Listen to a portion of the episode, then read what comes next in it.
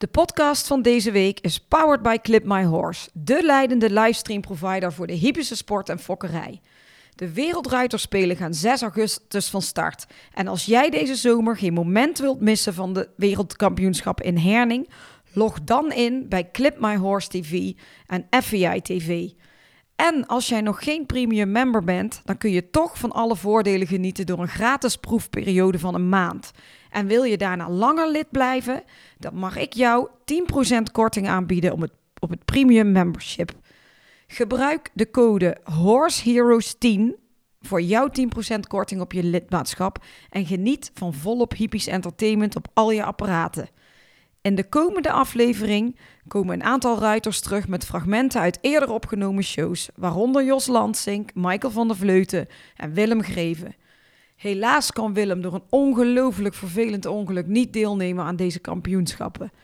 Wij wensen Jos, zijn team en alle andere ruiters heel veel succes en plezier. En Willem enorm veel sterkte in zijn herstel. We could be heroes. Leuk dat je luistert naar Horse Heroes. De podcast waarin Floor Schoenmakers van EHS Communications in een persoonlijk gesprek gaat met een hippische ondernemer. Elke week kun je luisteren naar interviews met één of meerdere gasten. Of meeluisteren naar de belevenissen tijdens hippische evenementen in de Horse Heroes Specials. We gaan beginnen. Hallo en leuk dat je weer luistert naar Horse Heroes. Het is warm buiten. We zitten midden in de zomer. Sommigen van jullie zijn al op vakantie, anderen mogen nog lekker op vakantie. En ik heb je de afgelopen weken meegenomen in een aantal terugblikken van eerder opgenomen shows. Seizoen 1 en 2 was veel met dressuur. Seizoen 3 was mijn heel avontuur in Engeland. En vandaag neem ik je mee in eh, seizoen 4 en 5, waar ik met een aantal springruiters en ondernemers heb gesproken in hele supermooie emotionele persoonlijke gesprekken wederom. En eh, vandaag neem ik je mee in een aantal van die fragmenten. En we beginnen daarmee met Vincent Voren. Hij is de bondscoach van de Nederlandse jongrijders en eh, hij woont in Weert. Ik was vorig jaar, of dit jaar in februari, bij hem eh, op bezoek om te praten over zijn leven met paarden, hoe die is gekomen waar hij nu staat en hoe hij eh, alles regelt en doet. En dat werd een eh, onverwacht, vrij persoonlijk gesprek over van alles en nog wat. En een van de vragen die ik hem stelde was eh, wat de grootste les is wat hij van zijn paarden heeft geleerd. En met welk paard hij de meest bijzondere band had. En daar volgde een super mooi antwoord waar ik heel veel reacties op terug heb gehad van, eh, van heel veel mensen. En dat wil ik je heel graag laten horen. Ehm, wat was voor jou de grootste les die jij hebt geleerd van, van je paarden, van je eigen paarden? Van mijn eigen paarden. Eh, ja, goed. Op een gegeven moment, als je toch eh, daarmee aan de gang bent met die paarden en ze bieden niet aan wat je eigenlijk van ze verlangt, hè, want dat gebeurt gewoon heel vaak, dat je daar toch sneller naar moet luisteren. Wat was jouw eh, meest speciale paard? Primus. Ja. Ja. Wat kun je erover vertellen? Ja, dat was eh, mooi. Die, eh, die had vroeger als ehm, vijfjarige zwaar ongeluk gehad in eh Lanaken. Ja. En die, eh, die werd gespiest eh, door een standaard. Dus die kreeg een op voortrein. Dus die kreeg een staander in de borst. En die kwam er achter zijn voorbeen weer uit. Dat was, niet, dat was niet met mij hoor. Dat was niet met mij. Maar goed, dat had de paard meegemaakt. En die mensen, uh, Ad Strating, was toen eh Gestion. De, Ja. de grote sponsor van Ankie van Grunsven. ja, ja, ja. En die was eigenaar. Samen met Harriet, zijn vrouw toen. En eh, ja, dat was als een, als een kind voor hen. Dus die hebben er alles aan gedaan om hem eh, te laten revalideren. Heb je Ja. dat gezien? Nee, nee ik, eh, ik was daar niet. Ik was daar niet, maar dat maakt het verhaal wel mooier. Ehm, ik was er niet bij. En uiteindelijk, dat paard zou nooit meer kunnen lopen. Uiteindelijk hebben hun er toch veel operaties aan gewaagd en gedaan. En ehm, toen eh, hebben ze hem thuis in zo'n rails gehangen, dat hij weer leerde staan en weer kon rondlopen. En uiteindelijk zou hij dan alleen maar in de wei kunnen. Nou, hebben ze hem in de wei gedaan.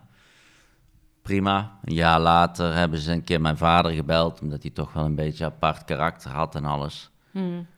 En eh, of dat mijn vader hem niet wou eh, proberen, want hij deed toch weer kruisjes springen en hij kon alles dressuurmatig. En toen zijn we die gaan proberen, stond hij in Duitsland in een africhtingsstal. Nou, heb ik hem gereden toen. Ja, 80 centimeter hoog, maar dat gevoel dat was zo goed. En ik was toen 16, 16, 17 ongeveer, als ik me goed herinner. Ja. Nou, toen moesten we naar Amsterdam. Moesten we gaan eh, praten met eh, meneer Strating. En eh, nou, mijn vader die was in gesprek met hem. En toen zei meneer Strating, hij zegt, hoe wil je dat hebben Albert? Hoe, zijn de, hoe kunnen we samenwerken? Nou, zegt eh, mijn vader, we doen het zo. Mijn vader is heel zwart-wit. Dit zijn de kosten, dit betaalt u. U bent eigenaar. Je kunt hem ophalen wanneer u wil. Iedereen vrij man. Nou, zei meneer Strating, dat doe ik niet. Ik ben een zakenman. We doen het. Half krijg je het paard en dan is het jullie, is hij van jullie. Nee, zei mijn vader, doe ik niet. Het is zo of niet. Toen keek meneer Strating mij aan. Hij zegt, eh, wat een rare man is die vader van jou, joh. ja, dat was wel mooi. Maar ja, ik was toen nog zo van... Ja, ik zeg niks. Ik zeg niks. En, eh, nou ja, goed. Uiteindelijk overeenstemming gekomen. Paard bij mij gekomen. Bij mijn vader. Ik hem gaan rijden. Ik zou dan de opleiding doen, twee jaar. En dan zou hij naar mijn vader gaan. En gelukkig eh, hadden wij die klik heel goed. En eh, toen zei meneer Strating, eh, nou wil ik dat hij eh, bij jou blijft. Dus Ja. dan mocht ik hem blijven rijden. En toen heb ik er uiteindelijk ehm, drie EK's mee gereden bij de Young Riders. Drie keer medaille en ook Europees goud.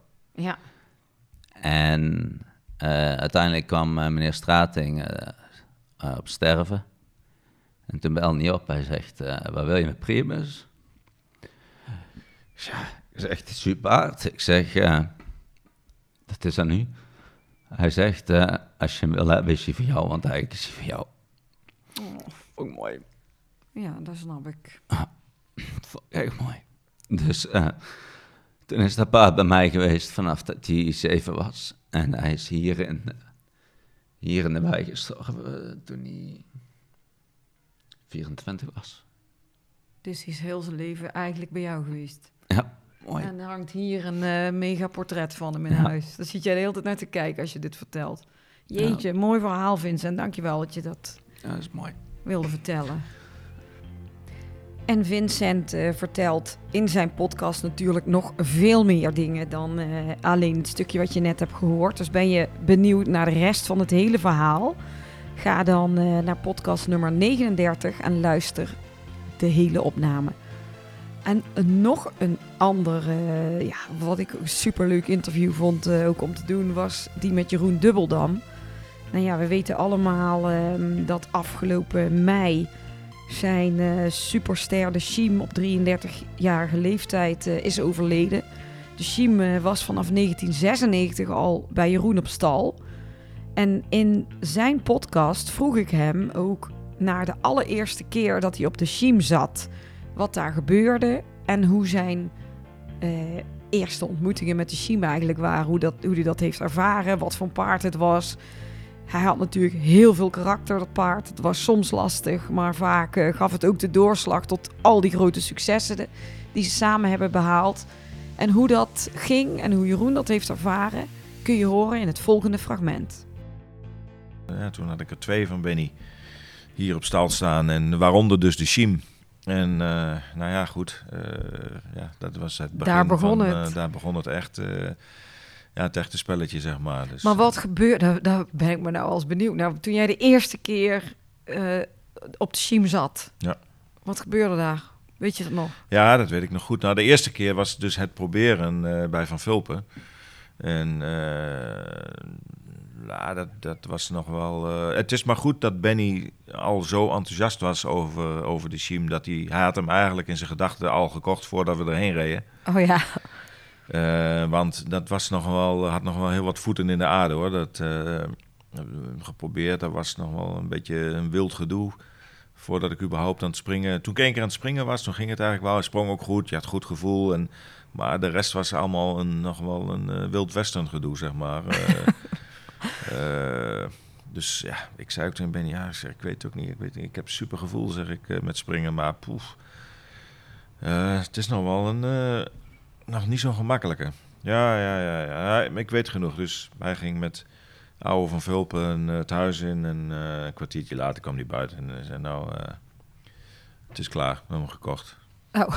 Eh, en toen kwam hij hier, werd hij afgeleverd. En eh we koffie gedronken en toen eh, ging de familie van Vulpen weer weg. En ik denk, nou, dan zal ik hem direct even gaan rijden. Maar dat was, eh, dat zat, dat was van korte duur, zeg maar. Ik, lag, dat was, ik heb er nog geen paar minuten op gezeten, of ik, wel, ik lag er al naast hier. Want dat was, toen da- dacht ik wel, ik denk, poh, wat hebben we ons zelf aangehaald nou? Dat was echt wel even, ja, dat viel me wel even vies tegen daar op dat moment. Dat was, dat eh, was niet meteen eh, liefde op het eerste gezicht. nee, nee, nee, nee, nee, nee. Dat is. eh ja, het was een heel, heel sterk karakter, zeg maar. En, en hij was brutaal en hij klom hier tegen de muren omhoog. En, ja, dat was een heel, dat was een heel gevecht, laat ik het zo maar zeggen. Ja, Maar het is allemaal goed gekomen. allemaal, ja, uiteindelijk.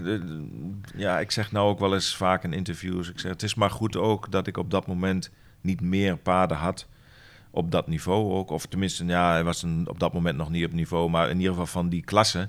Ja, Eh, want als dat het geval geweest was op dat moment, als er, als er vijf, zes paarden naast gestaan hadden die, eh, die zichzelf meer eh, makkelijker aanboden als, als dat, als dat Tishim dat op dat moment gedaan of deed, dan, dan was dat waarschijnlijk nooit goed gekomen. Want dan, dan had Tishim waarschijnlijk ook langzaam steeds een boxje verder naar achter opgeschoven geworden.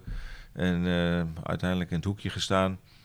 En dan, eh, dan, ja, dan hadden, had niemand nooit de Siem gekend eigenlijk, denk ik. Ik ja en nou eh, moest je wel... nu had ik maar weinig puzzelen. paarden en ik denk, ja, ik moet door, ik moet door. Roeien met de riemen wat je hebt, hè. Ja, dat klinkt negatief, want het was natuurlijk een heel goed paard. Maar ik bedoel, het was, boah, het was echt een, een opgave. En echt wel vaak gedacht dat het niet goed kwam, hoor. En, ik heb ook eh, een, tijdje, een keer, eh, maar dat was al een, jaar verder eigenlijk.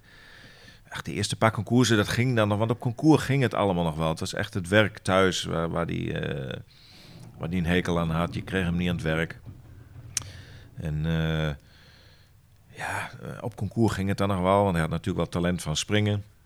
En ik liet, ik, ja, ik liet het er ook maar een beetje op aankomen op concours. Ik ging het gevecht ook niet echt aan. Ik ging het er meer een beetje uit de weg. En ach, dan we rijden wat, wat, wat ZZ in de buurt. En dan door zijn talent eh, sprong hij dat wel rond.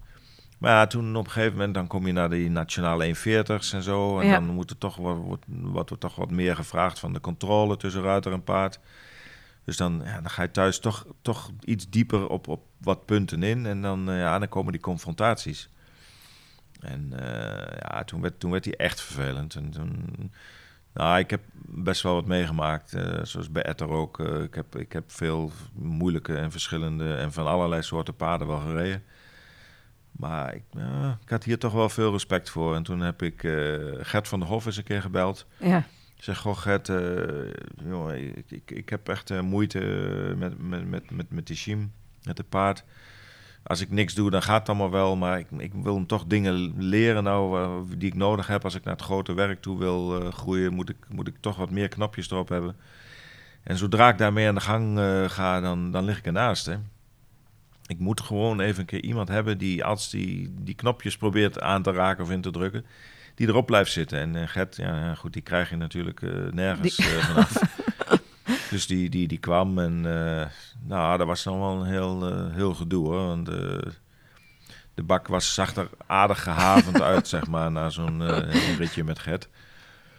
Maar goed, uiteindelijk werd de Shiem natuurlijk een beetje een keer overbluft, omdat toen hij begon met zijn kuren, uh, Gert er toch op blijft zitten. En uh, je, je, zag hem zo soort van achteruit kijken van... Goh, hey, hoe is het hoe mogelijk dan? dat er nog iemand op mijn rug zit, weet je niet. En, en, uh, en dat was ook een keer nodig. En, en, en voor mij ook een keer goed om te zien dat als die zo tekeer ging... dat er toch iemand op kon blijven zitten. Dat, ja. dat motiveerde mij ook alleen maar meer door, door door te gaan en, en, en, en, ja, en te zien van het kan wel. Want ik dacht echt dat het niet kon. En, eh, ja, en toen, toen eh, ging het echt heel hard vanaf dat moment. Toen, toen, ik dat doorbroken, toen we dat doorbroken hadden, Dat stukje, ja. toen, eh, toen ging het heel hard. En toen zaten we in 98 ook al in, in het Nederlandse team voor de Wereld te spelen. Ja, En werd hij eigenlijk in 98 werd hij ook al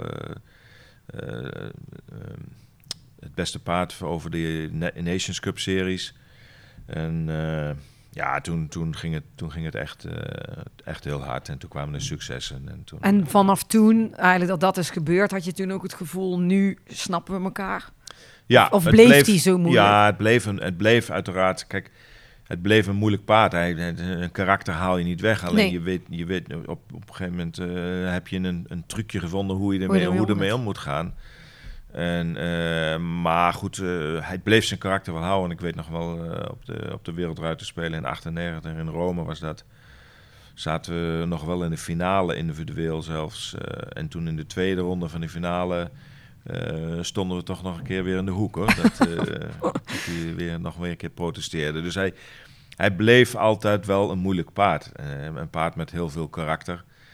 Eh, wat op sommige momenten heel lastig was, maar op sommige momenten ook de doorslag gaf eh, tot een groot succes. Ja, en toen kwam eh 2000. Ja, Sydney. ja toen, kwam, toen kwam natuurlijk eh, 2000 Sydney en, en, en de Chiem was in, in goede vorm. En eh, ja, ik was heel erg. eh, ik, had, eh, ik was ja, heel veel zelfvertrouwen, omdat ik eh, twee goede jaren achter de rug had. Hoe oud was jij toen? Ik was eh 26, 27. Ja, maar dat was natuurlijk voor jou Ja. ook de allereerste keer Ja. eh, naar de Olympische Spelen. Ja, ja, En dan met zo'n moeilijk paard. Ja, maar ik had er twee hele goede jaren achter de rug. Dus ik was mentaal, eh, was ik, eh, stond ik er heel goed in. Ja, Ik was zeer zelfovertuigd. En, en de Chiem in vorm. En ja, nu zou ik zulke uitspraken nooit meer doen. Nooit meer doen, nu eh, dat je wat ouder en wijzer bent. Maar toen, echt in Sydney, was ik er zo overtuigd van dat ik, eh, dat ik daar ging winnen. ja, dat klinkt heel raar. Ik zou, ik zou die uitspraken nooit meer doen. En als ik iemand nou die uitspraken hoor doen, dan denk ik, man, hou je, Hou je mond. Ja, hou je mond met die rare uitspraken. Maar ik deed die toen wel. En ook wel naar de buitenwereld toe. En, eh, Albert Voorn werd helemaal gek van mij. Hij zei, hou je kop. En, eh, ik zeg maar, je zult wel zien. Ik zeg, en eh, ik heb ook daar, we zijn toen, nou, oké, een beetje bluff natuurlijk was het wel, maar we gingen, ik nam Albert een paar keer mee, want hij was niet zo van het uitgaan natuurlijk, Albert. En, en, en nog niet natuurlijk, maar eh, eh, ik, ik, wij gingen toen toch vrij regelmatig naar het Holland Heinekenhuis. En ik nam hem ook gewoon mee en hij vond het nog gezellig ook nog. En dan werden die, eh, die eerste week natuurlijk al die sporters geëerd. Dat was eh, Van de Hogeband en Inge de Bruin en Ja. eh, Van Morsel. En eh, dat was natuurlijk een ongelofelijke speler eh, in Sydney toen. En eh, nou, waren, wij waren daar steeds bij, bij die, bij die huldigingen. We vonden het mooi en eh, gezellig en muziek. En, eh, en was, biertjes, leuk. ja, nou biertjes dat nog niet zoveel, want we moesten natuurlijk nog wel in actie komen. Ja. Maar gewoon wel, we, we, we, we gingen niet maar stijf in ons huisje zitten, onszelf op te vreten daar, want ik denk ook niet dat het goed was geweest. Nee. Maar goed, tijdens de huldiging, ik heb al, ik zei, ik heb al honderd keer tegen Albert gezegd, hij zei, ik zeg jongen, ik zeg volgende week, volgende week staan wij daar. Ah, ja, je bent net zo gek. En, ja, ik zeg, maar je zult wel zien. Ik zeg, wij, volgende week staan wij daar op het podium en gehuldigd met eh, Willem-Alexander erbij. En eh, ik zeg, je zult wel zien. En ik, elke dag zei ik het tegen hem. Ik zeg, het gaat gebeuren. 100 procent. En eh, ja, hij werd er helemaal gek van. En, maar het, het ging gebeuren. En ja, dat, kijk, nu achteraf kun je zeggen, ja, ik wist dat van tevoren. Dat is natuurlijk lulkoek. Maar ik, ik blufte er gewoon op. En eh, misschien ook wel bewust om mezelf... Op te naaien, Op te dat dat gebeurt. Ja, Ja, dan roep je het ook af. Ja, misschien. Ik weet, niet, ik, ik weet niet waarom ik het zo deed, maar het gebeurde. Nogmaals, nu zou ik die dingen nooit meer doen. Want ik ben oud en wijs genoeg om te weten hoe je af kunt gaan, ook in de sport. En hoe, hoe, hoe dicht winst en eh, verlies bij elkaar zit. Eh, maar goed, zo ging het daar wel. En de, de spelen begonnen en de eerste kwalificatie won ik al direct. Ehm, dus dat, dat bevestigde mijn gevoel alleen nog maar meer. En eh, ja, ik ging dat gewoon doen daar. Dat, zo voelde dat gewoon. En, en, en, en het is ook gebeurd. En jullie hebben net eh, het verhaal gehoord van Jeroen Dubbeldam en wat hij allemaal heeft moeten doen eh, met de Shiem om tot de successen te komen die hij allemaal heeft behaald. Wat eigenlijk allemaal over doorzetten gaat. En er is nog zo'n fragment wat over doorzettingsvermogen en eh, karakter en kracht te maken heeft. En dat is op een iets andere manier, want het gaat eigenlijk over de persoon en de ruiter zelf.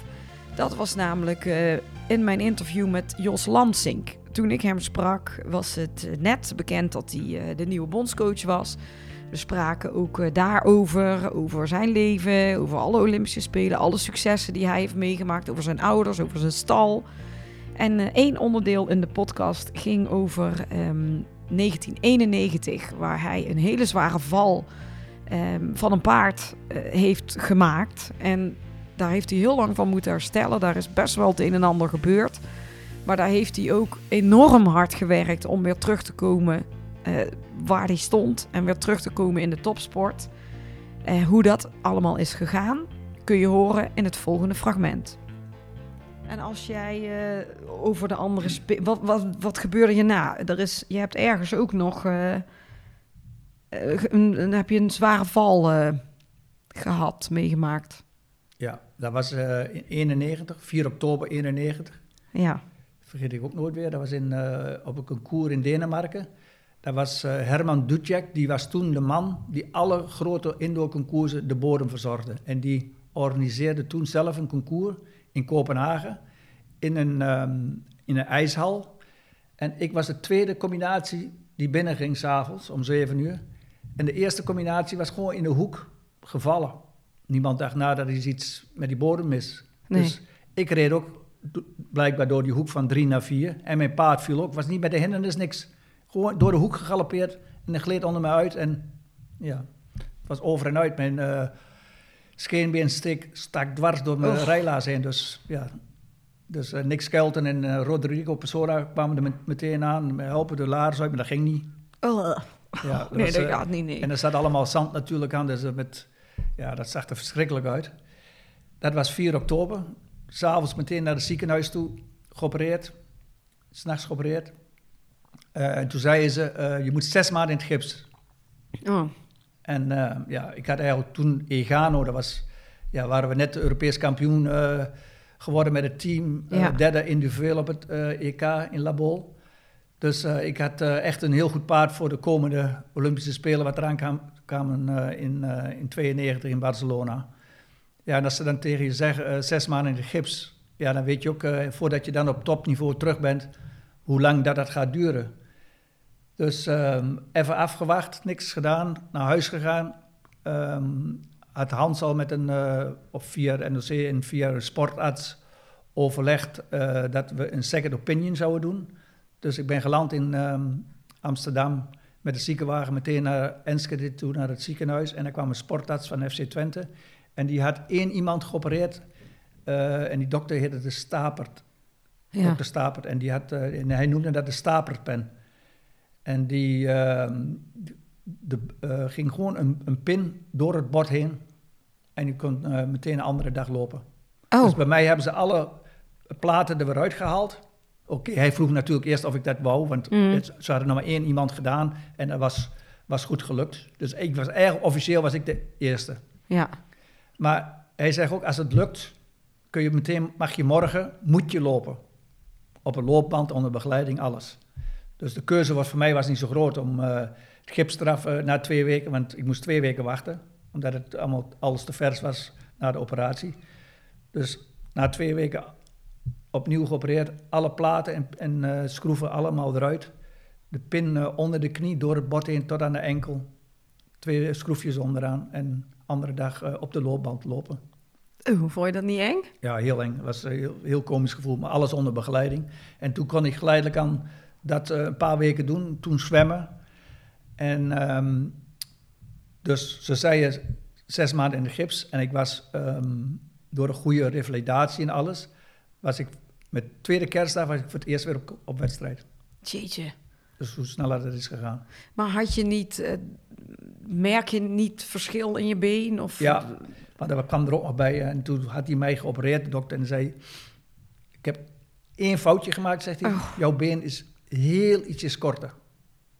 Maar oké, met een steunzool, je ziet het bijna niet in. Maar hij zegt, ik kan het ook weer opnieuw opereren. Ik zei, nee, ik ben nu al twee keer geopereerd. eh, Laat maar laat even. maar. Is goed. En hij zei, de rest is allemaal goed, dus je moet eh, zelf eh, kiezen wat je wil. Het kan. Maar je hebt daar met rijden of zo, eh, Nee. merk je niks, niks van meer? Toen in het begin natuurlijk wel, hè.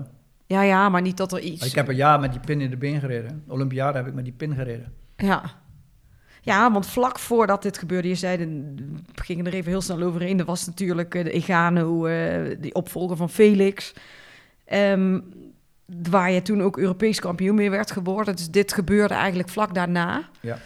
Kun je iets vertellen over eh, dat Europees kampioenschap? Want dat zal wel heel gaaf zijn geweest ook. Ja, dat was eigenlijk mijn tweede Europese kampioenschap. En ik had eh 89 in Rotterdam, was ik tweede geweest met eh, Felix. Ja, Ehm, ja, we hadden een heel sterk team. Ehm foto hangt daar nog. eh, Jan Tops met Topken, Piet met Ratina, Emiel met Aldato en, eh, en ik dan met, ehm met Igano. We, Ja. won- we wonnen het landenteam. Dus we stonden, de- als je dat wint, dan weet je ook dat die combinaties ook individueel goed staan. En, en daar stonden we ook allemaal. Piet stond toen zelfs nog eerst aan de leiding. En eh, ehm, die kreeg toen zondags één of twee fouten, dus die zakte een beetje terug. En eh, ik was vijfde en ik werd, er- uiteindelijk werd ik eh, derde met Egano toen. ja. En toen won ik het jaar erop, eh, won ik de grote prijs van Aken. En toen eh, wonnen we de Olympische Spelen met het team. Ja, en dat was wel weer een ander team dan eh, Ja. bij de Europese kampioenschap. Nee, dat was ook eh, een ander team. Alleen Emiel zat er niet bij. Piet Nee. en Jan met dezelfde paarden. En eh, Bert Rom met Waldo. En, eh, en- maar ja, dat was jij wel alweer helemaal, want dat was best wel snel gebeurd na dat ongeluk natuurlijk. Ja. En je hebt gewoon volle gas kunnen trainen, rijden, alles doen, geen Ja, in het begin natuurlijk niet. eh. ik heb eerst aan de burgelriemen eh, heb ik een fietsband gedaan dat, er, dat het niet zo, zo, zo stijf was, dat je een beetje meer vering had. Want ja, dat, omdat er zo'n pin in zat in zo'n been, dat, eh, ja, dat voelde komisch aan. Hè? Ja, Dus iedere keer die, die, ja, dat er iets meer vering in, eigenlijk in die burgelriem zat. Eerst natuurlijk zonder beugels gereden. En toen iedere keer eh, toen met de fietsband en toen na de tijd met, proberen met normale beugels. en no eh, maar evenwicht en zo, allemaal niks. Nee. Ja, daar kun je allemaal op oefenen natuurlijk. Ja. Moet je natuurlijk wel op trainen en fysiotherapie en alles. Dat, dat- Ja, ik, ik, ik, ik, zit het ik, ik heb het ook zo eh, gehad. Dus maar niet die operatie, maar ook inderdaad eh, met open, beenbreuk. open beenbreuken, met pinnen en weet ik het wel. Maar bij mij, ik heb er toch wel lange last van gehad, moet Ja, ja, en je moet natuurlijk ook een beetje geluk hebben dat je, ja, er geen ontsteking en zo bij krijgt. Nee. Daar kreeg ik ook nog in het begin een beetje bij. Dus dat is natuurlijk wel een beetje gevaarlijk. En zeker als er dan zoveel platen en alles in Ja, zitten. en bij, je bent bij de paarden en zo. En, eh, Ja. Nou ja, maar het is goed gekomen. Dat, goed is, eh, dat is het belangrijkste. ja. Nou ja, dit was eh, een klein fragment uit het hele verhaal van Jos. En ik zou echt zeggen, ga die podcast helemaal luisteren. Want het is zo inspirerend wat die mannen allemaal vertellen en wat ze meemaken. En ja, gewoon hoe ze in het leven staan en hoe ze met die paarden werken. En ehm een van de topspringruiters ehm, van Nederland is Willem Greven. En daar had ik ook een super gaaf eh, gesprek mee. Eigenlijk eh, net na de Dutch Masters. En ehm, daar hebben we het ook over de, de Rolex eh, Grand Slam, de Grand Prix. Over eh, zijn, nieuwe, of zijn nieuwe stal, zijn stal en wat hij daar allemaal doet. En zijn paarden, de band met zijn paarden. En eigenlijk ken je die springruiters normaal niet zo goed. Dan, je ziet ze op concours en je krijgt wel wat van mee wat je in de, in de media leest. Maar, maar nooit zo die persoonlijke gesprekken die je, die je dan af en toe met mensen hebt als je die podcast eens opneemt. Nou, en Willem was voor mij wel, ehm, ja, misschien wel een van, de, van, van mijn favoriete podcast. Om, om hoe hij zit te vertellen en hoe open die was. En wat een super mooi verhaal die had. En ehm, hij één stukje ook, waar ik je ook graag het fragment van wil laten horen, vertelt hij eh, eigenlijk over Carambol. Daar begint hij zijn verhaal met Carambol. En dan eindigen we met zijn lievelingsliedje. En daar zit ook een verdrietig, maar wel een heel mooi verhaal achter. Dat wil ik je graag laten horen in het volgende fragment. En ik zeg er alvast bij, ga echt die hele podcast luisteren van, van alle mannen die ik je nu in deze terugblik laat horen. Want die verhalen zijn te mooi om te missen. Nu het fragment van Willem. Wat is het meest memorabele moment binnen jouw eh, carrière geweest? Eh, sportief gezien denk ik dat de overwinning in Jumping Amsterdam voor mij wel eh, tot nu toe staat. Ik heb eh, daarna best heel veel leuke dingen gedaan. En, maar sportief gezien was de overwinning in Jumping Amsterdam. En vorig jaar met Carambol de nulronde in Barcelona. Ja, Dat was voor mij ook heel emotioneel. Dat was heel mooi. en had het een reden dat het zo emotioneel was? Ja, dat is een beetje. Dat paard betekent zoveel voor mij. Dat is. ik kan niet omschrijven hoe. Ja, ja dat is gewoon. Dat is zo'n uniek paard.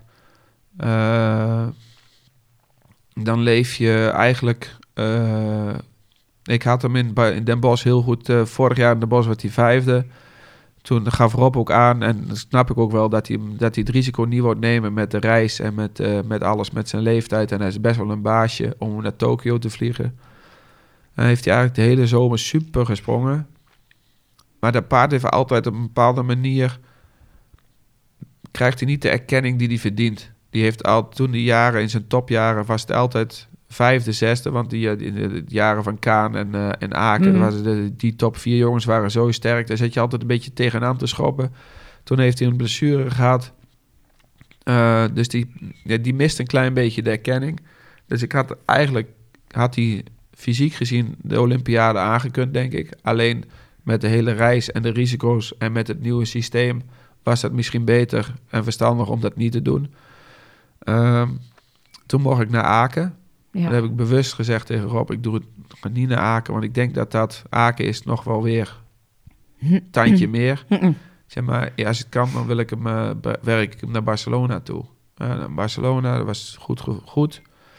En toen, eh, ja, gewoon het hele weekend. eh, mijn moeder, mijn zussen waren er, mijn nichtje waren Oh er. ja, heel familie. Eh, gewoon eh hele familie.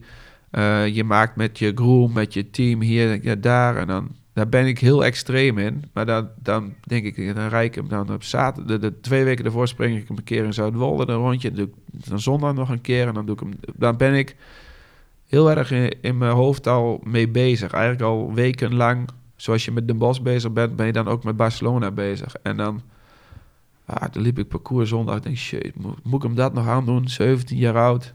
Ja, En eh, ja, ik begin te springen. Ik kom over in de zee en ik denk, goh, dat voelt sprong, goed. jongen. Ja. Ik denk, en dat voel je gewoon, dat dat paard alles voor je wil doen. En dan, eh, ja, die ontlading, dat dat dan dat is gewoon... En dan win je dat met elkaar en is iedereen daar. En dat was gewoon, eh, denk ik, ja jongen, dit, heb je, dit heeft hij verdiend. En dat, dat vond ik gewoon prachtig mooi. Jij eh, hebt ook een nummer doorgegeven Ja, van Simply the Best. Heeft Ja. dat hiermee te maken? nee, nee. Oh, ik denk misschien gaat het wel hier over de Nee, dat is, weer, eh, dat is weer een ander. eh, dat nummer is. dat nummer is het nummer van mijn stiefvader.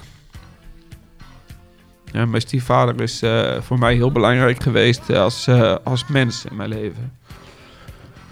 Die, die is in 2018 overleden, heel onverwacht.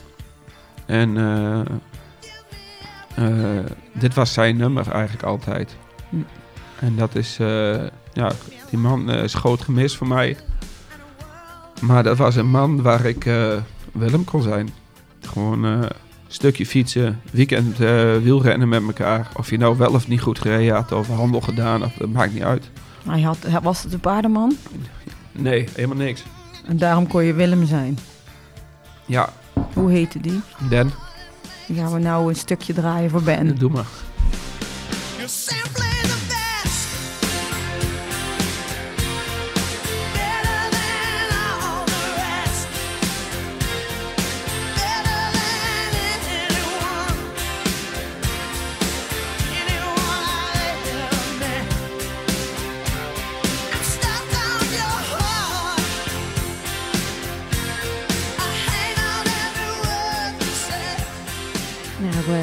Was een stukje van het eh supermooie verhaal van Willem. Ik heb het al gezegd een paar keer. Ga ze echt allemaal even helemaal luisteren. Want die verhalen zijn gewoon te gek allemaal. Nou ja, en een hele goede vriend van eh, Willem is Mark Houtzager. En Mark is uiteraard ook een heel bekende springruiter en getrouwd eh, met Julia. Ook een op hoog niveau springamazone. Samen hebben zij twee kids, twee meiden, die ook allebei paardrijden. En daar vertelt Mark over in het volgende fragment hoe hij eh, met dit allemaal regelt samen met Julia, met die kinderen. En eh, wat hij eigenlijk van opvoeden vindt. Luister mee naar het fragment van Mark Houtzager. En jullie hebben ook eh, twee kinderen. Ja, Wie Liz, zijn? Liz en Nina. Liz is 6 jaar oud Ja, en Nina is 13 jaar oud. Die rijdt dan mee met de children hier. ja Dus hoe leuk is dat? Ja, dat is prachtig. Sowieso omdat je dan... en ik- ben, ik ben best heel lang alleen op concours geweest. In het begin gingen we altijd samen, maar dat toen... eh, toen Nina geboren werd, eh, ja, dan is het natuurlijk allemaal... eh, voor de vrouw wordt het natuurlijk allemaal een beetje anders Ja. dan, de hele sport. En, en dan komt de school, dan moeten ze naar school. Dus ja, dan, dan, kun, dan, dan kun je niet meer elke week op concours. Tenminste, Julia niet. En ik ben toen eigenlijk best heel vaak alleen op concours geweest in de tijd. En dus toch wel, ja... Als de kinderen wat ouder worden, vind ik wel, dan, eh, dan mis je echt wel een beetje dat thuisgevoel Ja, en eh, bij je familie te zijn. maar die kleine, of die meiden, die rijden ook allebei natuurlijk. Zat dat er eh, bij, die, bij die oudste vooral al, al van de jonge af aan ook in? Ja, eigenlijk bij allebei. Die kleinste rijdt ook al. Ja, Maar dat is gewoon, ja, ze, ze weten, ze kennen ook maar niks anders. We hebben ja, zo'n klein ponnetje staan, daar krast, daar krast die klein op rond. ja. En Nina heeft ook altijd pony gereden, wat eh, ja, misschien niet de beste pony is voor haar, maar die is eigenlijk ook vrij snel, eh, met, ja, toen ze eind 11 was, op paard gegaan. En jij bent echt degene die haar begeleidt? Of heeft ze andere... Beide. We doen beide. eh, Zowel je- maar Julia en ik, die helpen haar met rijden. Eh, ja. Maar altijd het mee? uitkomt. We proberen altijd mee te gaan. Maar goed, dat gaat niet meer altijd lukken. Want nu krijgt ze straks natuurlijk ook een keer een kans dat ze eh, met de children een uh, landwedstrijd maar rijden moet. Ja, Of daar heeft ze al gereden, vorige week in Opklapik, twee weken terug.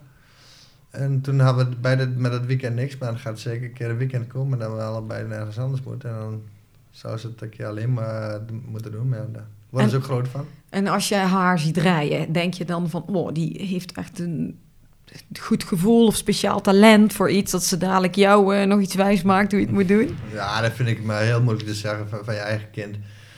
Maar ja, ze doet er heel veel voor en eh, ze rijdt leuk mee. Maar of ze echt super talent had, heeft, dat vind ik moeilijk te zeggen. Dat, eh, ik denk dat ik vroeger ook geen talent was, geen natuurtalent was. Je hebt gewoon heel En veel verschillende paarden gereden. Ja, ik, ik heb gewoon denk door heel veel te doen en heel veel op te letten eh, geleerd. Maar ik was zeker van natuur uit geen, eh, geen natuurtalent, dat weet ik zeker. En Nee. wat leer jij jouw kinderen daar dan over? Ja, dat is best moeilijk om. eh, kijk, want ja, het is om, om, om, om, om de juiste training en opvoeding te geven voor een kind is sowieso al moeilijk. Ehm, ja, we, we laten ook zo'n beetje. eh, kijk, natuurlijk, we staan ze maar wel bij, maar ze moeten zelf ook een keer gewoon het gevoel krijgen Ja. hoe je in de ring maar rijden moet. En dat is wel een bepaald instinct wat je hebt of niet hebt. En dat, eh, daar moeten ze in de ring toch een keer achter komen. Maar gaan zij, want zij zit op school, eh, zit zij al op, op, zit ze op middelbaar? Ja, ja, ze zit op middelbaar, maar ze zit op sportschool in Zwolle. Oh ja. En eh, dat is een goede school, dat is een leuke school. En eh, dan krijgt ze gewoon twee keer in de week waar gewoon haar les. Dan moet ze haar paard mee, eh, meebrengen. En eh, ja, ze krijgt gewoon alle vakken. En, eh, maar ze, aan de andere kant kan ze ook heel makkelijk vrij krijgen voor school. Maar dan moet ze natuurlijk wel op concours leren. Ja. En jij, jullie ondersteunen dat wel als ouders. Van als zij echt de sport in wil, dan krijgt ze die kans. Ja, ik weet het niet als je echt moet willen de sport in wil gaan. Ik, eh, ik denk sowieso dat de... de, de, de Of de sport in, dat ze met paarden wil werken. Nou ja, ik, ik, vind, eh, ik zou het leuk vinden als, het, als, als ze het leuk vindt. En dan vindt ze ze maar sowieso. Maar goed, ze moet ook wel... Het is, het is geen eh, must van onze kant uit. Zeker niet. Nee. We ondersteunen haar maar waar we kunnen. Natuurlijk proberen we de fijne paarden te vinden voor haar. En, eh, maar ja, nogmaals, het is ook een ding. En ze moeten zelf ook het gevoel hebben en, en, en, en, en, eh, ja, plezier dan hebben. Dat vind ik eh, eigenlijk op dit moment het allerbelangrijkste. Maar je wordt wel automatisch wel als ouder ook wel fanatiek. Ja. En daar had ik eigenlijk nooit gedacht dat ik Ja. dat zou worden, maar automatisch word je toch. En ja. Wat vind je het allerleukst met die meiden? Zo met dit. Ja, maar dat ze gewoon leuk meedoen. En wat, wat ik ook heel leuk vind, dat we eigenlijk ook vrienden hebben die ook de, ja, de, de dochter zeg maar, van Robert en Annette Vos, die is net, die Ja. is net zo oud als, eh, als Nina, die, die zijn al van, eh, vanaf, vanaf eh, ja, toen ze baby waren eigenlijk samen met elkaar, maar altijd geweest. En eh, samen Bixie gereden Ja. en nu samen voor, over twee weken terug landwedstrijd gereden. En dat, en dat is natuurlijk wel heel maar bijzonder. En die kunnen super met elkaar samen.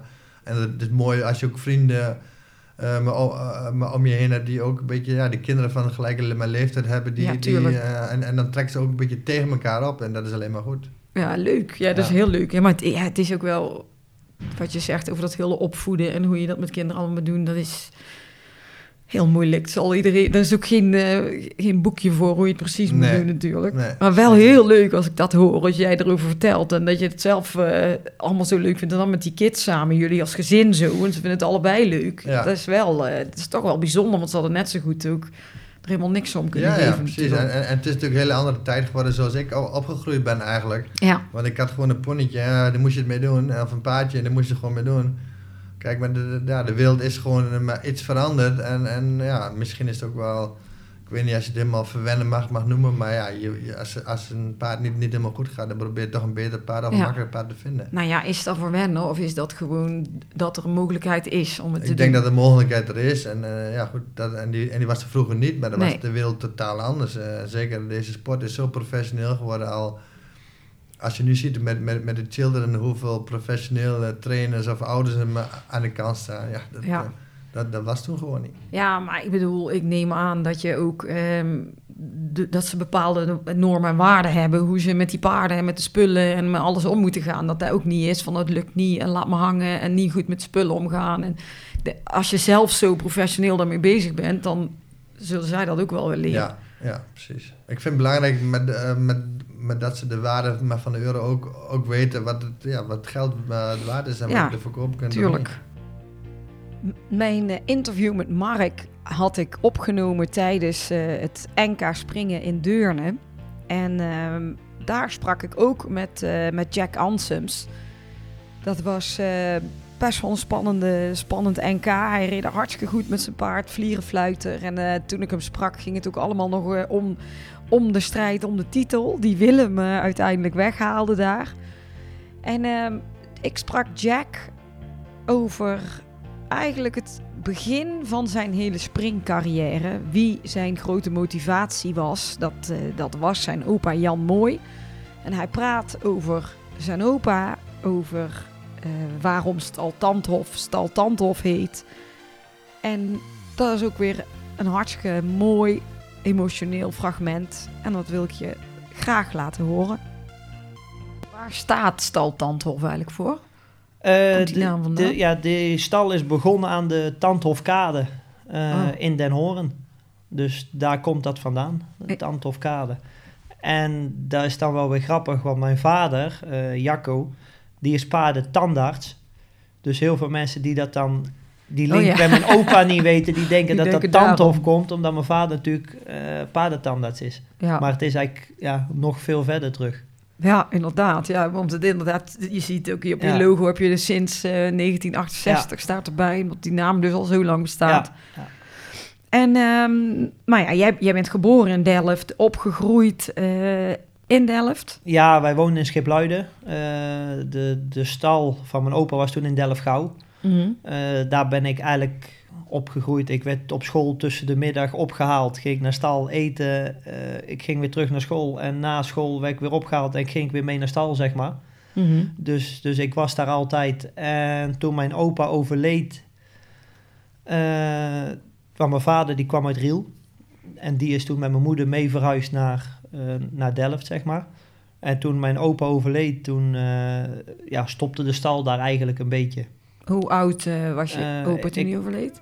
Mijn opa die was in drie, 63. Oh, zo jong? Ja, die was nog jong. Oh, ik, was toen, ik was toen acht. En toen heb ik zelf ook twee jaar niks meer met eh, paarden gedaan. Nee. Ik, wil, ik wilde niet meer naar stal, ik wilde niks meer, want ja, eh, opa was er niet meer. Oh ja. Ja, en eh, toen om mijn tiende ben ik weer begonnen. Maar je raakt jou nog zo Ja. Ja. Is hij echt de reden dat jij bent gaan rijden en zo ook? Ja, misschien wel. Mooi. Toch mooi. En nu nog. Ja, maar ja, moet je kijken wat een eh, invloed die man dan heeft gehad. Nou, hey, en ehm, jij bent, eh, je hebt twee jaar niet gereden, vertelde je net toen. Nee, en toen, ehm, ja, hoe moet ik dat zeggen? Toen kwam ik niet meer op stal en toen van het een op het andere moment, eh, ja, wilde ik toch weer gaan rijden. En ja, toen natuurlijk met mijn ouders achter me, ja, was dat zo gebeurd, zeg maar. Ik wilde rijden, eh, twee weken later was, of ja, twee weken later, twee uur later was er een pony. En, ja, oh, die eh, waren al lang blij dat jij weer begon. Ja, en het was vertrokken. Was hij eh, de vader van je moeder? Ja. Of van je, oh ja. Ja, en toen met mijn ouders ook. toen begon ik steeds meer te rijden. Pony erbij, nog een pony erbij.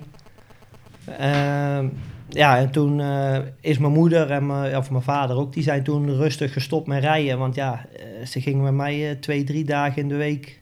Ben je enig kind? Ja. Oh, dus toen had je Ja. ook eh, mooi alle aandacht. Ja, en toen eh, ben ik gaan rijden. En mijn ouders gestopt. En toen zei we op een gegeven moment, eh, toen zei mijn vader, luister, ik ben lang zat in Zuid-Holland geweest. Nou ga jij maar eens mee terug naar Brabant, zei hij toen tegen mijn moeder. En toen zijn we verhuisd naar. Poppel. Ja.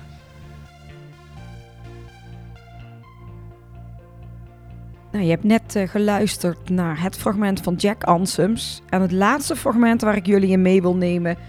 is een stuk uit de podcast met Michael van der Vleuten.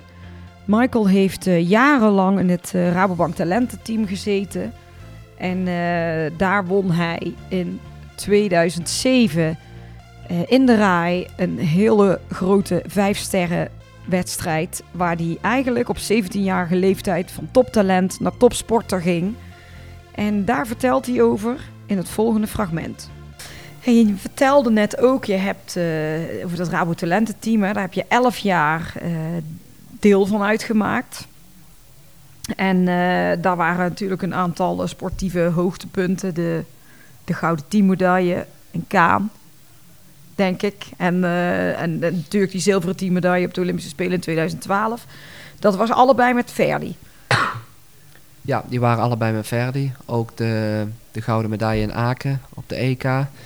Ehm, ja, dat was allemaal, eh, allemaal eigenlijk tijdens die jaren dat ik in het talententeam zat. En Ja. eh, dat geeft mij ook een goed gevoel. Hè. Je wordt op, eh, als, als 11-jarig mannetje ehm, eh, beschouwd als talent. En, Ja. en dat is ook mooi als dat dan... hoe moet ik dat zeggen? Als die resultaten, die successen er later ook uitkomen, zeg maar. Ja. Ja. dus ook eh, tegenover het talententeam was dat... hè, die hebben ook gezorgd dat wij op hele mooie... ehm, hè, veel, veel goede stalbezoeken ehm, toen gedaan hadden. Bij Emil Hendricks, ehm Ankie Vergrunsven, eh, Nelson Pessoa, Lutker Beerbaan. oh ja, daar kon je ook allemaal heen. allemaal. Eh, ja, dat was toen, toen er tijd was dat mooi voor mij om te zien. Hè. Ja, De- deed toch veel, veel vertellen over, eh, over hun management, over eh, de manier van werken met paarden. En daar zijn toch allemaal dingen waar je veel wijzer van wordt. Ja. En,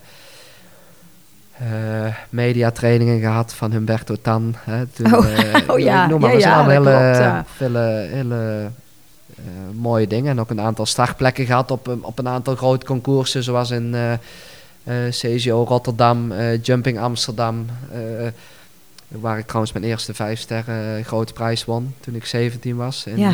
Jumping Amsterdam. Een overwinning die ik nooit zal vergeten trouwens. Ja, vertel er eens over.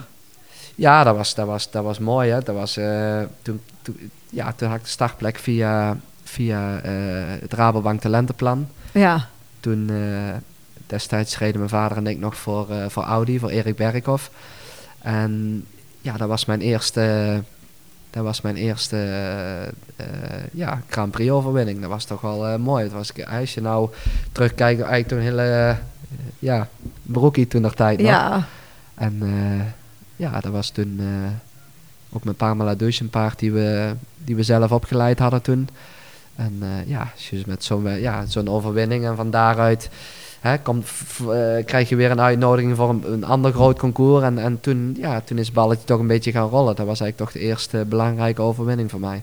Dus toen, dat is het weekend waar je van toptalent eh, naar sp- topsporter ging. Daar, in die ja, vijf in ieder, in ieder geval een keer heb ik kunnen laten zien dat we ja, de mogelijkheden hebben om, eh, ja, om toch goed mee te kunnen doen. Ja, Ja, toen was je 17. 17 jaar. En toen zaten jullie met, met de stal in Mierlo. Ja. En in Ja. die tijd had jij je helicon eh, afgerond al. Eh, ja, of, ja, toen zat ik misschien nog wel, eh, of het laatste jaar, ik denk tot, tot mijn 18 dat ik die school gedaan heb. Ja. Dat was één dag in de week en toen de rest van de week was ik bij mijn vader in het bedrijf aan het werk, zeg maar. Ja, En toen je die opleiding helemaal af hebt gerond, ben je volledig in het bedrijf, bedrijf gegaan. gaan werken. Ja, ja, ja, ja. Toen deed ik dan toen al de jonge paarden van mijn vader uitbrengen op concours. ja. En eh, ja, ging ik iedere, iedere week met een wagentje vol op concours. Hè? Van, van, van een meter tot een meter 35. En daar zijn, ja, daar word je natuurlijk wel een heel stuk wijzer van als je dat zo eens eh, een tijdje doet.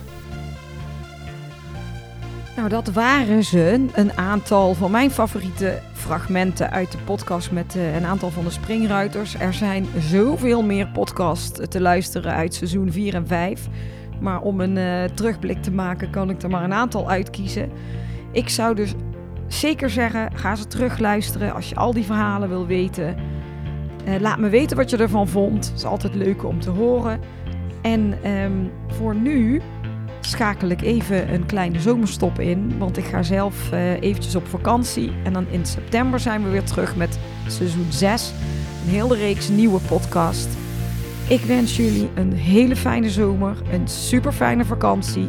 Wederom bedankt voor het luisteren. En tot snel.